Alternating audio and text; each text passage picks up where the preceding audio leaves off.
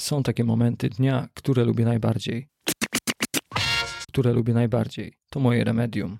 Podcast o rozwoju osobistym.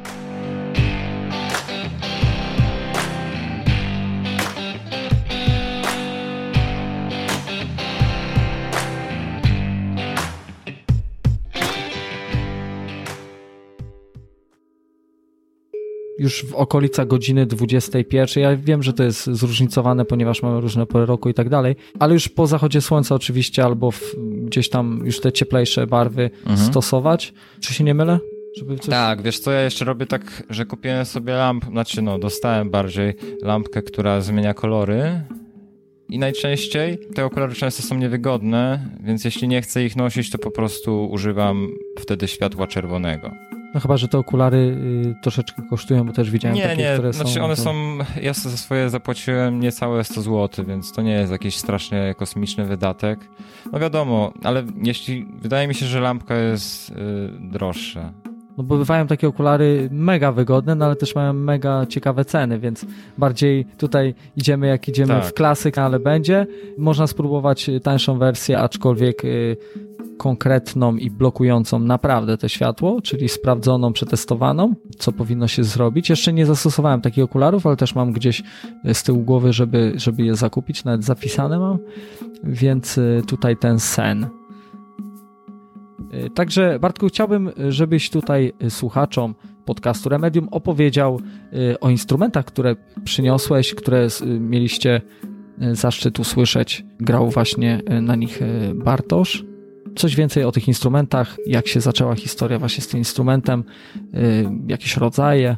Jasne, już zaczynam. Masz rację, skończmy temat snu, jest, mimo że jest bardzo interesujący i ciekawy. Być może kiedyś go jeszcze rozwiniemy. Przywiozłem ze sobą dwa instrumenty, które nazywają się tank dramy.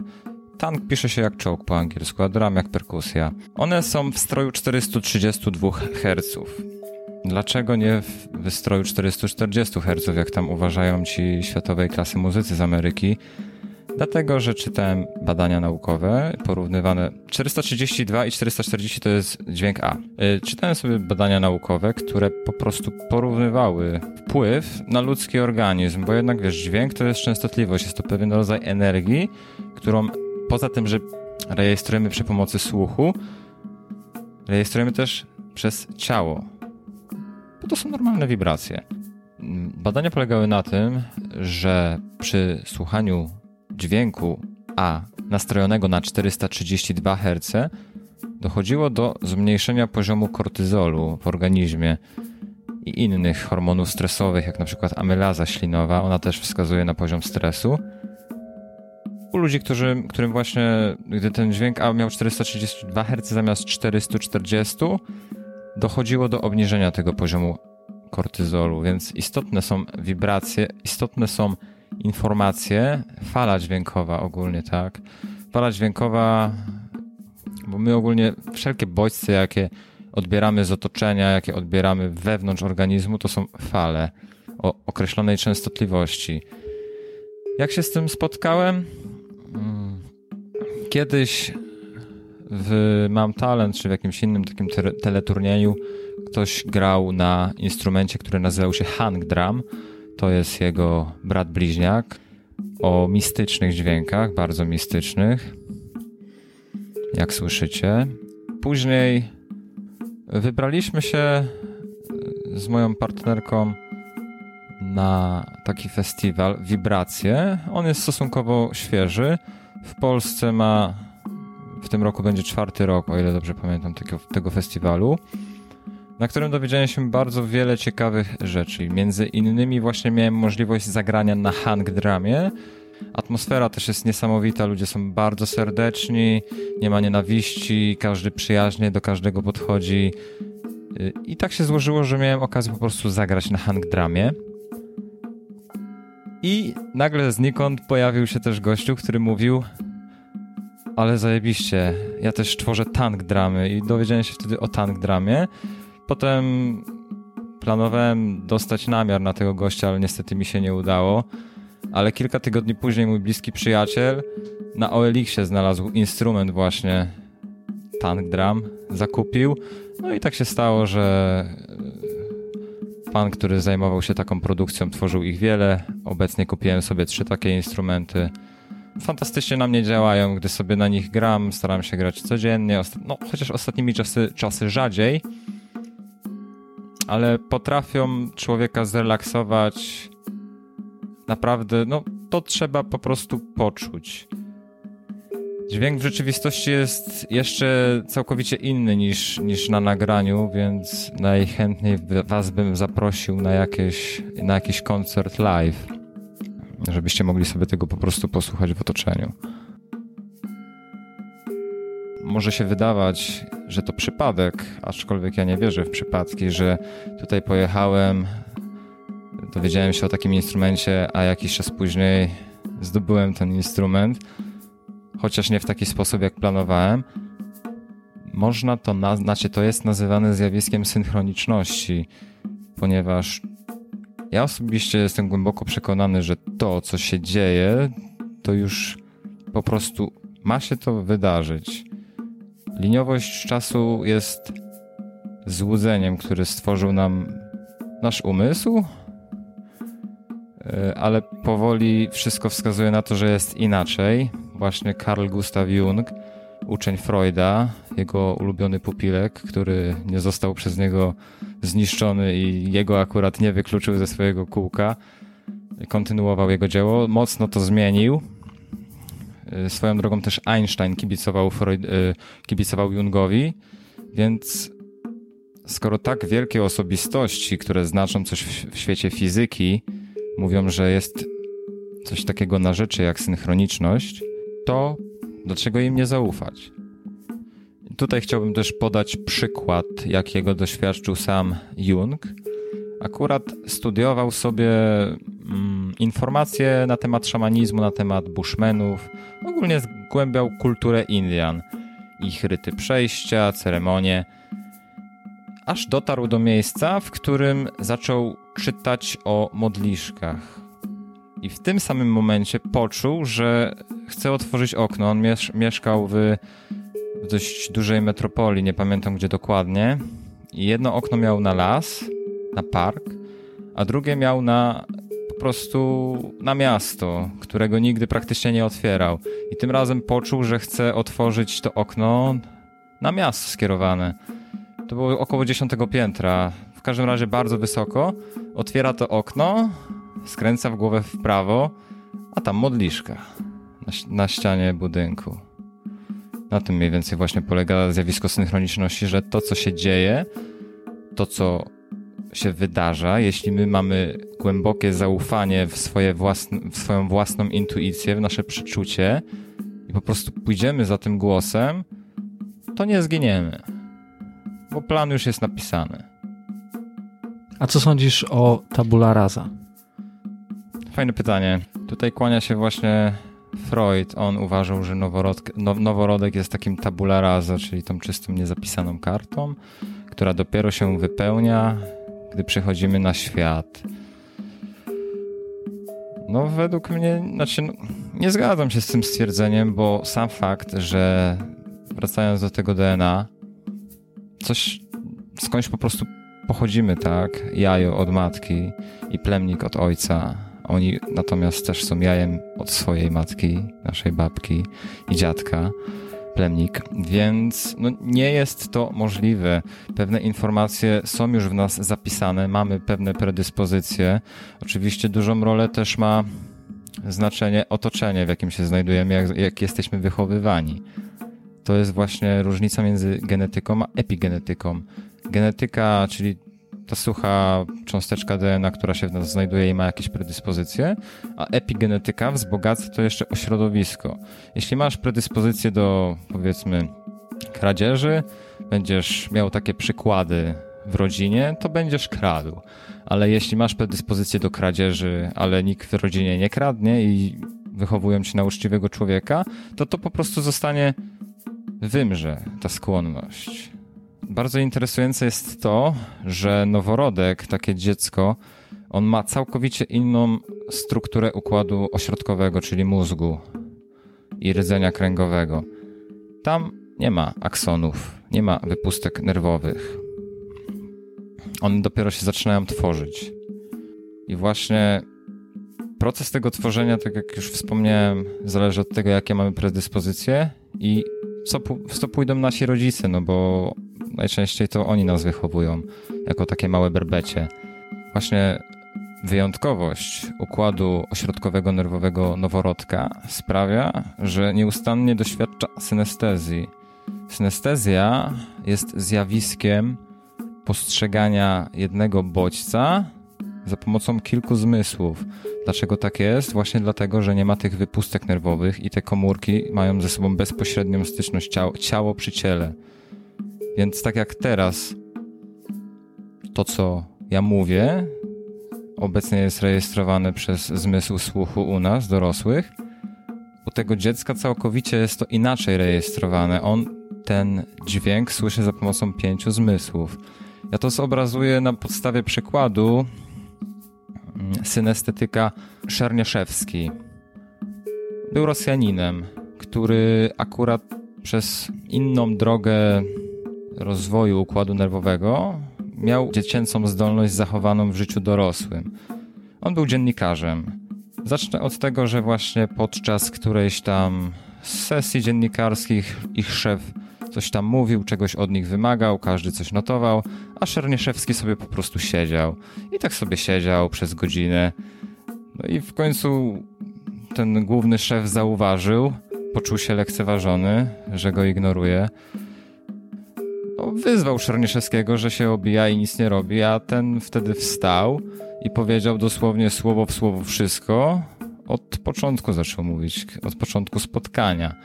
Później no, zaczęli go badać, dlaczego tak jest, jak on postrzega rzeczywistość. To jest właśnie też to, że każdy po postrzega rzeczywistość indywidualnie. Nie ma przepisu.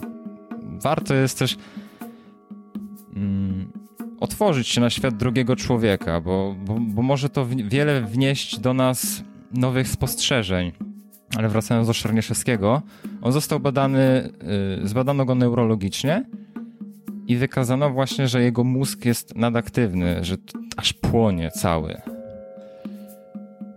I pamiętam taki przykład, jak to wyglądało, kiedy on poszedł sobie zamówić lody i nie, nie potrafił się zdecydować na jakiś smak, więc spytał się ekspedientki, który smak poleca. No i po pewnym momencie po prostu sobie poszedł.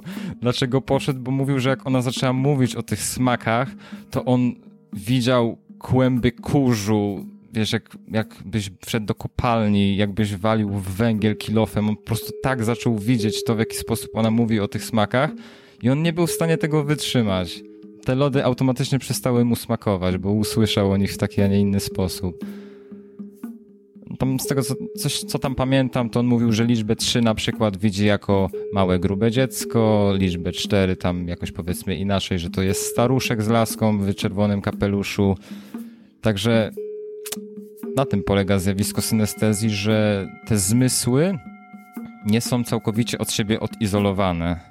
Bardzo... Jak na przykład dwójka to może być wąż. Na przykład. Dla każdego, dla każdego co innego. Bo, bo każdy układ nerwowy jest indywidualny, osobniczo. Doświadczenie psychodeliczne wiąże się z, ze wznowieniem doświadczeń synestetycznych.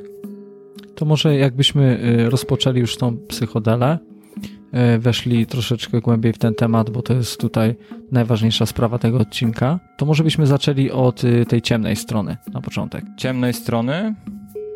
Masz na myśli. To, co uważają, ogólnie ja też, co mogę uważać mhm. na ten temat, aby nas wyprowadzić z błędu, czy tak naprawdę jest to ciemna strona. Okay.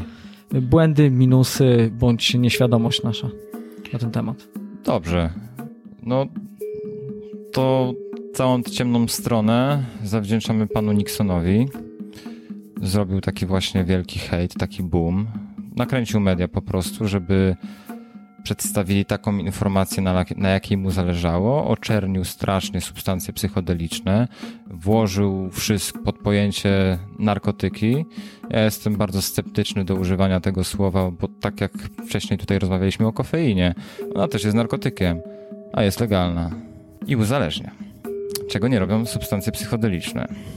Mechanizm uzależnienia jest związany głównie z kopem dopaminowym. Jest tam w mózgu taki ośrodek, który nazywa się jądro półleżące i jak mu się daje te dopaminy, to on mówi, ale fajnie, ale przyjemnie, chcę więcej. No ale umiar, gdy człowiek nie zna umiaru, no to prędzej czy później doprowadzi to do degradacji. No i dysregulacji wielu osi harmonijnych, które powinny ze sobą współgrać fizjologicznie.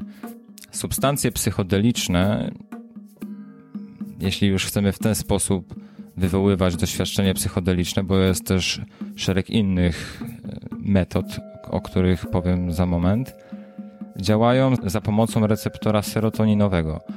Jest ich bardzo wiele. Serotonina, poza tym, że no, no, nazywana jest hormonem szczęścia, oddziałuje na ośrodkowy układ nerwowy za pomocą receptora 5HT2A. Jest też zgromadzona w całym ciele, innymi w jelitach, gdzie jest już receptor 5HT3. W naczyniach krwionośnych, które właśnie pobudza do skurczu, wzrasta ciśnienie. No, dążę do tego, żeby podkreślić, że te receptory są obecne wszędzie. Nie jest tak, że to jest tylko w mózgu, tylko różne, różne typy receptorów są mm, rozniesione po całym ciele, bo to jest nieustanny dialog. Y, głównie rozpoczyna się to w jelitach, tak? Od tego, co przyjmujemy z pokarmem, jak się czują nasze jelita, one informują nas. Możemy dostać rozwolnienia, możemy być zaparci. Często sami mamy zaparcia czynnościowe. No jednak wstydzimy się tej naszej fizjologii, zwłaszcza gdy jesteśmy dziećmi. Często wstrzymujemy siku, dwójeczkę wstrzymujemy, tworzą się problemy bo próbujemy oszukać samych siebie, próbujemy oszukać ten wewnętrzny głos i później często dochodzi do niezrozumienia własnej osoby, co się zaczyna już właśnie u dziecka. Substancje psychodeliczne, samo słowo, y, etymologia tego słowa wywodzi się z języków martwych już, albo jest z łaciny lub z greki, już do końca nie pamiętam. Psyche oznacza duszę, a Delane oznacza ukazywać, czyli ukazywać duszę, ukazywać prawdziwe wnętrze, to o którym być może już zapomnieliśmy. Jeśli chodzi o słownik języka polskiego, ostatnio się natknąłem przypadkowo na jego tłumaczenie słowa psychodeliczny. Jest to taki stan umysłu, który charakteryzuje się głębokim spokojem. To jest tak, że projekcja w naszej głowie narkomana to jest najczęściej wizja heroinisty. No i okej, okay, heroina jest najcięższym, naj, najsilniej uzależniającym narkotykiem, jeśli już chcemy używać tego słowa. Działa przez receptory opioidowe, które koniec końców prowadzą do stymulacji dopaminergicznej jądra półleżącego, o którym wspominałem wcześniej. No i ta wizja narkomana, który gdzieś tam leży w slumsach, najczęściej wychudzony, z jakimiś oparzeniami po wkłuciach, zarażony HIV-em, innymi takimi chorobami, do których po prostu czujemy od razu. No to jest wstręt, tak? To zostało w nas zaszczepione i to jest tak, że ja też kiedyś byłem przeciwnikiem strasznym. Dopóki nie zacząłem się interesować tematem, to łykałem to, co mi mówili odgórnie, bo wierzyłem w to, że dorośli mają rację po prostu. A potem, jak zacząłem czytać, to widzę właśnie, że jest dużo pobudek takich rasistowskich, nieuczciwych zagrań po prostu, które już coś zostało powiedziane, postawiło na bardzo długi czas w negatywnym świetle te substancje zostały one wrzucone do jednego worka. A prawda jest taka, że właśnie te substancje dobroczynnie działające, rozwijające świadomość, pogłębiające w głąb w samego siebie, umożliwiające zrozumienie swoich własnych emocji, uczuć, co pozwala też podejmować rozsądniejsze decyzje, żeby żyć w zgodzie ze samym sobą, zostały zablokowane całkowicie. A takie substancje jak alkohol, papierosy, kofeina, są legalne, dlatego że wpływają w pewien sposób określony, pożądany bym powiedział, na układ nerwowy. Zakończę to w taki sposób, że nadużywanie alkoholu i papierosów dąży też do depresji, tak jak niedobór snu. ma to też związek z tym, że model społeczeństwa, jakie budujemy, jest oparty na lęku. Najczęściej, jeśli już chcemy coś załatwić, to nie z tego powodu, że chcemy, tylko że się boimy. Musimy to zrobić, bo coś nam każe. Nie jest. No kto chce być popędzany biczem? To jest tak jak cofnąć się do czasów niewoli, kiedy był pan niewolnik, to na tej, na tej samej zasadzie jest, tylko że to jest pan niewolnik z punktu widzenia neurologicznego. Pewna część mózgu krzyczy: musisz to zrobić, musisz to zrobić, a ty jesteś przestraszony, zlękniony, twoja powiedzmy prawdziwa osobowość, bo to nie jest tak, że mamy jeden głos w głowie, najczęściej jest ich kilka, boimy się, aż w końcu coś robimy. I tutaj jeszcze taka ciekawostka: lęk też uzależnia. Więc to już jest. Czy przywiązujemy się do tego lęku? Na tej samej zasadzie działa przez jądro półleżącej dopaminy. Paradoksalnie, bardzo paradoksalnie, wręcz, wręcz niedorzecznie bym powiedział, no ale tak jest. Dalej Co? o tych minusach? Jeśli chodzi też o tę czarną stronę psychiki, do której nikt z nas się nie chce przyznać, ale każdy ją ma, no to właśnie pan Freud jest tutaj pionierem. On poznał człowieka zdepresjonowanego, znerwicowanego i tylko o takich ludziach myślał. No to się go, dla niego to minus, bo nie dostrzegał pozytywnych barw świata. A skoro już o barwach, to żeby też pokazać stopień mm, problemu, jaki może osiągnąć depresja, to w zaawansowanym stadium ona może też prowadzić do zaburzenia postrzegania barw. I serio, znaczy całkowicie poważnie człowiek widzi czarno-biało, szaro. Było mi ciężko w to uwierzyć, ale jak wiesz, jak zacząłem zgłębiać ten temat, no to wszystko wskazuje na to, że mózg jest w stanie tak zrobić, że przestanie widzieć kolory. Trudno sobie to wyobrazić, nie? No, ciężko. On ogólnie stworzył koncepcję ego. Jak, jak zapewne wiele z nas słyszało to pojęcie. Czym jest ego na poziomie neuronalnym? To jest ten śmieszny głosik w głowie, z którym najczęściej się utożsamiamy.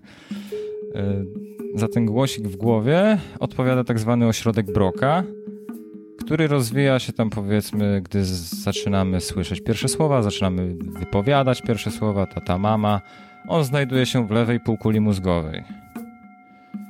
Zjawiska psychodeliczne oparte są na działaniu prawej półkuli mózgowej.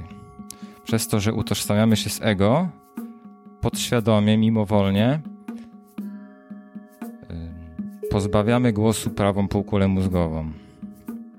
Oczywiście, jak wiemy, w jaki sposób to zrobić, można pozwolić jej, jej dojść do głosu, bo lewa połowa mózgu odpowiada za antycypowanie, czyli gdybanie sobie, myślenie sobie, co by było, gdyby było, a prawa odpowiada za konkretne działania.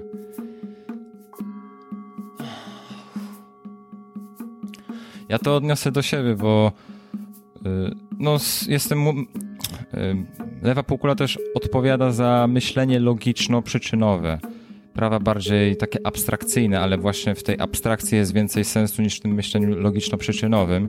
Jako, że ja mam umysł analityczny, to mam dość, dość mocno, zazwyczaj się posługiwałem tą lewą półkulą mózgową, ale to e, w najcięższych momentach mojego życia było to tak, że wiesz, ja po prostu wiedziałem, co wypadałoby zrobić w danej sytuacji, ale po prostu tego nie robiłem. Bo prawa półkula milczała. Prawa półkula milczała, więc naturalnie nie byłem w stanie podjąć jakiegokolwiek działania. Ale zacząłem się interesować tym, w jaki sposób można zwiększyć jej funkcjonowanie. To się opiera na nerwie błędnym, do którego też chciałbym przejść, ale wracając do Freuda i do rozwoju człowieka. Ogólnie uważa się, że jest siedem stadiów rozwoju neuronalnego cztery zostały przyjęte przez naukę zachodnią. pozostałe trzy uważane są póki co za dogmaty parapsychologii. Pierwsze stadium jest to stadium pleroma, czyli Uważamy siebie za cały, jesteśmy zjednoczeni po prostu z całym światem. Nie, nie dostrzegamy różnicy, będąc tym noworodkiem, między sobą a otoczeniem zewnętrznym. To pojęcie ogólnie wprowadził Jung do, do funkcjonowania pleroma. Mm. I co taki noworodek, co taki noworodek potrafi? Potrafi niewiele, bo jedyne co na początku potrafimy to przemieszczać się z boku na bok, tak? Jak leżymy na brzuchu, to tam w pewnym momencie zaczynamy się przewracać na lewy bok, na prawy bok. Jak to się ma właśnie do otoczenia? Jeśli wychowujemy się w sprzyjającym otoczeniu, gdzie nie dochodzi do tak zwanej deprywacji emocjonalnej, czyli pozbawienia nas tych emocji, których łakniemy jako dziecko, żebyśmy wy byli wychowywani w dobrobycie, to my odwrócimy się powiedzmy na lewy bok skoro mama krzyczy na nas na, z prawego boku. Uciekamy od tego nieprzyjemnego bodźca, bo nie jesteśmy w stanie nic więcej zrobić. Jest to bardzo prymitywny sposób ucieczki, ale czego więcej wymagać od noworodka. Ale gdy będzie wychowywany w kochającym otoczeniu, to odwróci się do bodźca, uśmiechnie się do mamy. Swoją drogą, jeśli chodzi o wykształcenie takie takiego widzenia, jak, jak my teraz widzimy, bo obraz na siatkówce jest ogólnie odwrócony i pomniejszony, czyli te noworodki widzą zupełnie inaczej. One nie widzą tego, co my teraz widzimy. One widzą emocjami, tylko emocjami. I dochodzi do wypełnienia tej czystej karty, jakby to powiedział Freud. To jest pierwsza, pierwsze stadium rozwoju człowieka i na nim bym się póki co zatrzymał, bo dzisiaj też nie, nie planowałem jakoś specjalnie bardziej o tym mówić, ale jak się ma do tego doświadczenia psychodeliczne? Freud uważał, że psychoanalitycznie nasze problemy, problemy, jakie mamy w dorosłym życiu, wzięły się za czasów dzieciństwa. No bo on nie uznawał tej sfery okołoporodowej i sfery transpersonalnej, o której też coś tam wspomnę. Taki zdeprecjonowany noworodek, pozbawiony ciepła, które powinien mieć, zostaje skrzywdzony na całe życie. On nie będzie tego wiedział, bo nie będzie tego pamiętał, ale będzie w ten sposób działał, bo przeżył to. Mimo, że nie, nie zapisał tego w pamięci i nie jest w stanie do tego wrócić pamięcią za dnia codziennego, to on to przeżył. A doświadczenie psychodeliczne jeżeli mamy jakiś określony problem, zdeklarujemy intencję, co chcemy osiągnąć od takiego doświadczenia, jest nam w stanie przywrócić te wspomnienia. Czyli jesteś w stanie sobie to przypomnieć, jakkolwiek ci się to przedstawi, jakkolwiek ci się to ukaże. Jesteś w stanie to sobie przypomnieć i dokończyć na poziomie psychicznym to wydarzenie w taki sposób, które pozwoli, że ty to zaakceptujesz. I wtedy problem znika. Na tym też polega terapia Gestalt. Gestalt z niemieckiego to jest figura. Chodzi o to, że nasze doświadczenia, których my zwykle nie pamiętamy, zostały wkodowane w nas.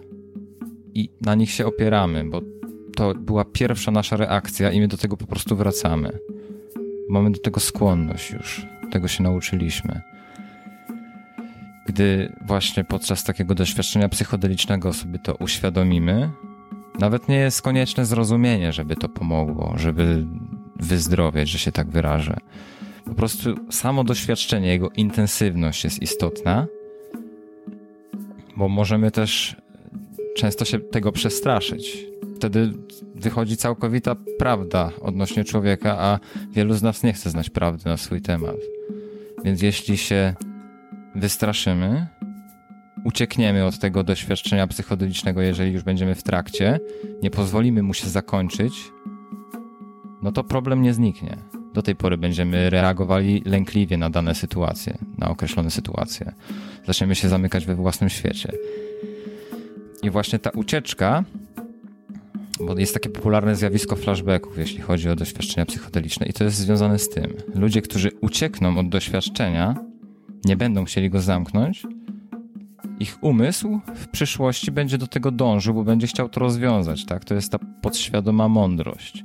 On będzie do tego dążył, on będzie ci mówił, weź się w końcu tym zajmij, bo ja chcę mieć święty spokój. Możemy to ignorować, oczywiście, ale wtedy będziemy chodzić znerwicowani. Więc to jest to zjawisko flashbacku. Jeżeli czegoś nie dokończymy podczas danego doświadczenia, no to to będzie do nas wracało w mniej lub bardziej przychylnych nam momentach. Ale jeśli do, domkniemy tę daną figurę, poz, pozwolimy, żeby to przeżycie zakończyło się w taki sposób, w jaki my byśmy chcieli, to ten problem automatycznie znika. Nasz układ nerwowy wypala to miejsce, że się tak wyrażę. Te neurony odpowiedzialne za to odchodzą w niepamięć i mamy spokój. Metaforycznie można to porównać do toru saneczkarzy. Tak, gdy jest sezon, oni zjeżdżają tym torem. Trasa jest znana każdemu, wszyscy lecą na tej samej zasadzie. Tak działają komórki nerwowe, a doświadczenie psychodeliczne wprowadza burzę śnieżną. Tak gwałtowną, że nie jesteś w stanie już wrócić do tych szlaków myślowych, które miałeś wcześniej. I ci saneczkarze muszą sobie wyrobić znaczy może muszą to źle powiedziane, po prostu mogą sobie wyrobić inne tory saneczkowe. I to my wtedy jesteśmy w stanie zadecydować, w jaki sposób chcemy, żeby oni się poruszali. Mamy wtedy wolną rękę. Możemy im wskazać ten kierunek i mieć stuprocentową pewność, jeżeli to wszystko zostanie wykonane profesjonalnie, że tak będzie i że się pozbędziemy tego kompleksu. Jeśli ktoś jest zainteresowany przykładami, to polecam pioniera, jakim był Stanisław Grof. On bardzo ciekawie to wszystko y, zbadał, kiedy to jeszcze było można badać, przed tym całym boomem lat 60. Jedna z klientek mm, przyszła do niego z problemem uciekania, wycofywania się bardzo mocno z relacji międzyludzkich. I podczas tego doświadczenia, które można też swoją drogą wywołać za pomocą oddychania holotropowego, co też poleca Wim Hof, na zasadzie stymulacji nerwu błędnego. Y, będąc w tym transie psychodelicznym, jej się przypomniało, kiedy była małą dziewczynką. Bardzo małą dziewczynką i krzyczała na nią matka. Były w jej pokoju i matka na nią krzyczała i kazała jej coś zrobić. I ona nie, ma, nie miała pojęcia jako dziecko, co może zrobić, żeby rozwiązać tę sytuację. Na początku ona sobie starała, próbu próbowała sobie poradzić w ten sposób, że chciała wygonić matkę. No ale małe dziecko, mała siła. Więc w pewnym momencie po prostu stwierdziła, że znajdzie na to inny sposób i wyszła z pokoju. Przestała potem cierpieć na te zaburzenia lękowe w relacjach międzyludzkich. Więc tutaj chodzi właśnie o to, że takie doświadczenie jest nam w stanie pokazać, że możliwość rozwiązania danego wyzwania, danego, danego problemu jest ich bardzo wiele. I nie ma potrzeby ograniczenia się do jednej. Ale ciężko jest też złamać te schematy myślowe, bo ja kończyłem też kurs rozwoju osobistego. Nie, nie chcę tutaj tej nazwy jego podawać, żeby nie robić reklamy. To był roczny kurs.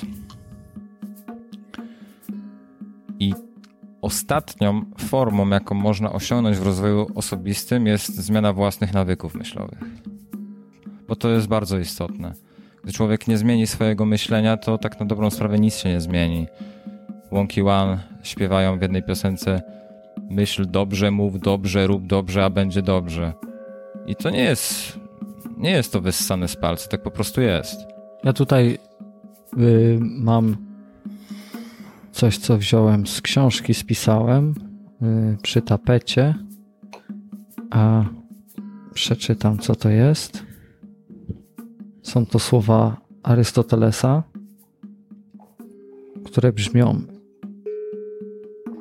Jesteśmy tym, co powtarzamy. No widzisz. Czyli w zasadzie to jest to samo.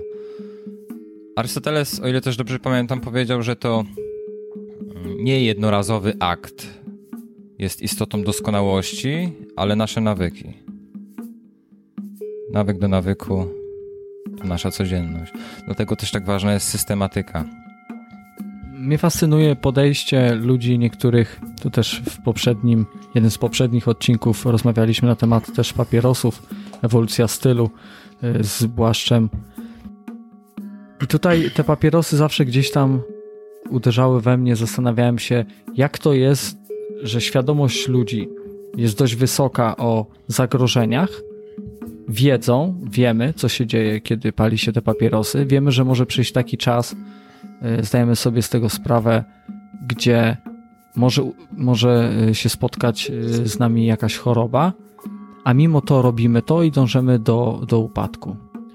Okej, okay. pochylę się na to w ten sposób, że najczęściej, jeśli sięgamy po, po papierosy, no bo one są, mimo że od 18 roku życia dozwolone, to ja w ogóle bym to zmienił, przesunąłbym ten pułap, tak samo jak jeśli chodzi o napoje energetyczne. Tam w Ameryce jest bodajże 21 lat. No i to jest 22-23 lata. To jest ten wiek, w którym kończy się fizjologiczny rozwój ośrodkowego układu nerwowego. Wykształcają się wszystkie mechanizmy obronne. A właśnie te używki, gdy pojawią się wcześniej w naszym życiu, to one zastępują nam po prostu mechanizmy obronne. I gdy potem w późniejszym życiu pojawia się sytuacja stresowa, jako że my nie wykształciliśmy wtedy, kiedy był na to odpowiedni okres mechanizmów obronnych, to my sięgamy po szluga, mówiąc kolokwialnie, czy po kieliszek.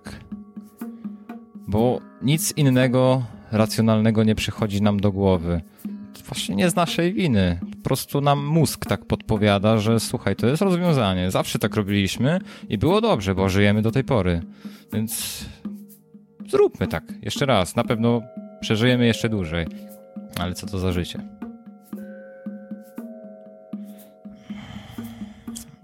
Nie chcę też tutaj rozwodzić bardziej nad tym alkoholem i papierosami. No, podkreślę jeszcze raz, że stałe ich używanie prowadzi do rozwoju depresji. Więc warto by było zamienić zamienić to na zdrowszy sposób życia, no ale też ciężko jest właśnie pokonać ten mechanizm uzależnienia. To, co ja mogę poradzić, żeby wygrać z nałogiem, to nie jest, bo to jest pewna siła, tak? Jakby to powiedział Freud, to jest siła psychiczna, to jest popęd, który nam każe coś zrobić. Jeżeli my stawiamy opór, to prędzej czy później się zmęczymy, bo siła woli jest ograniczona, jeśli chcemy to tak już nazywać, siłą woli. Więc stawianie oporu na dłuższy czas jest bez sensu. Ale skuteczną drogą jest po prostu znalezienie innej siły motywacyjnej, która będzie nas pchać po prostu, wiesz, w inną stronę. Wtedy też się nie zmęczymy, jeżeli zauważymy, że tutaj powiedzmy jest głód alkoholowy, głód zapalenia papierosa, to odpychanie tego prędzej czy później sprawi, że to do nas wróci, ale jeżeli my sobie znajdziemy coś, co nas interesuje bardziej i co odwraca naszą uwagę, to automatycznie my przestajemy myśleć o tym głodzie więc nie mamy z czym walczyć, więc nie tracimy tej energii. Życie może być nieustanną walką, ale to też nie o to w tym chodzi. Można sobie pomóc. Właśnie to doświadczenie psychodeliczne ma pokazać człowiekowi, że jest bardzo wiele innych rzeczy, których on nie dostrzega. Wiesz, było wiele badań prowadzonych, jeśli już mówimy o substancjach psychodelicznych, to poza tym LSD, psylocybiną zawartą w grzybach, jeszcze tutaj taką ciekawostkę mi przyszła do głowy o rozwoju naszej kultury, ale to za moment, y, które po prostu pokazują, że te substancje są skuteczne w leczeniu alkoholizmu, w leczeniu nikotynizmu, w leczeniu depresji, w leczeniu anoreksji, zaburzeń odżywiania, a te jednostki chorobowe, nazwijmy to już tak, że te jednostki chorobowe sprowadzają się do bardzo podobnego sposobu funkcjonowania umysłu. Więc na dobrą sprawę można powiedzieć, że to jest jeden i ten sam sposób funkcjonowania umysłu, dlatego one też mają skuteczność we wszystkich tych kategoriach. Z panaceum można powiedzieć na wszystko. Ale są też zagrożenia, bo jak ktoś profesjonalnie tego nie zrobi, wracając do tego noworodka, który sobie tam zakodował pewną reakcję na, na bodźce stresowe, to jest też tak, że jeżeli doświadczenie psychodeliczne będzie wymknie się spod kontroli, to może nie dokończyć go w taki sposób i nic się nie zmieni, ale też może być tak, że on zamiast wybrać korzystną drogę reagowania na daną sytuację, wybierze też inną, która jest także niekorzystna. Rozumiesz? Czyli jakby, ja bym to tak y, prościej nazwał, rytuał, który miał być przeprowadzony dobrze, poszedł w złą stronę, no i zebrał żniwo. Tak. Dlatego właśnie ta osoba prowadząca, wydaje mi się, jest tutaj jak nauczyciel potrzebna, żebyśmy się w tą dobrą stronę ukazali. Też ten nauczyciel nie zawsze musi być dobry, bo, bo historie pokazują, że wielu różnych nauczycieli, nie chcę tutaj wymieniać pewnie można się domyślić o, o, kogo chodzi, tworzyli różnego rodzaju sekty, mnóstwo tak. ludzi i, i, każdy uważał, że, że to jest y, dobre i to, to jest cudowne i wspaniała społeczność się tworzyła. Są ludzie, którzy bronili i, i zmieniali się. Widocznie nie dostrzegali tego zła, które jest y, w tym człowieku, mhm. bo to mhm. tylko człowiek. Tak. I wiesz, zjawisko psychodeliczne ogólnie polega na śmierci, ale nie fizycznej śmierci, tylko psychicznej śmierci, na złamaniu samego siebie, swoje, swojego sposobu funkcjonowania, na ego death. A czy można doprowadzić, żeby ten ośrodek, o którym mówiłeś, Broka. Wy, wyłączyć? Poprzez działanie tych. Y, czy jest to możliwe? To znaczy, to jest wiadomo, że to jest trudne pytanie, tylko Nie takie sądzę. rzucone, y, bo skoro y, Wiesz co, czekaj, czekaj, no. bo ja rozumiem ideę twojego pytania. Próbuję zadać pytanie jako laik zupełnie tak, tak. gdzieś do czegoś dotrzeć. Y, ten ośrodek Broka, on odpowiada za mowę, więc ciężko jest go wyłączyć, bo byśmy nie byli w stanie się teraz komunikować. Mhm. Ale substancje i ogólnie doświadczenie psychodeliczne oddziałuje na tak zwany Default Mode Network, czyli to można przetłumaczyć na polski sieć standardowej aktywności, która jest siedzibą ego. To się znajduje swoją drogą w płatach czołowych, troszkę nad oczami. Uwaga, kolejny samolot przelatuje, bo znajdujemy się w Gliwicach, niedaleko aeroklubu gliwickiego. Niedaleko, no tam sporo, ale, ale słychać, samolot przelatuje. Sponsorem dzisiejszego odcinka był ten samolot właśnie. Zrzucił worki z pieniędzy. Żarcik.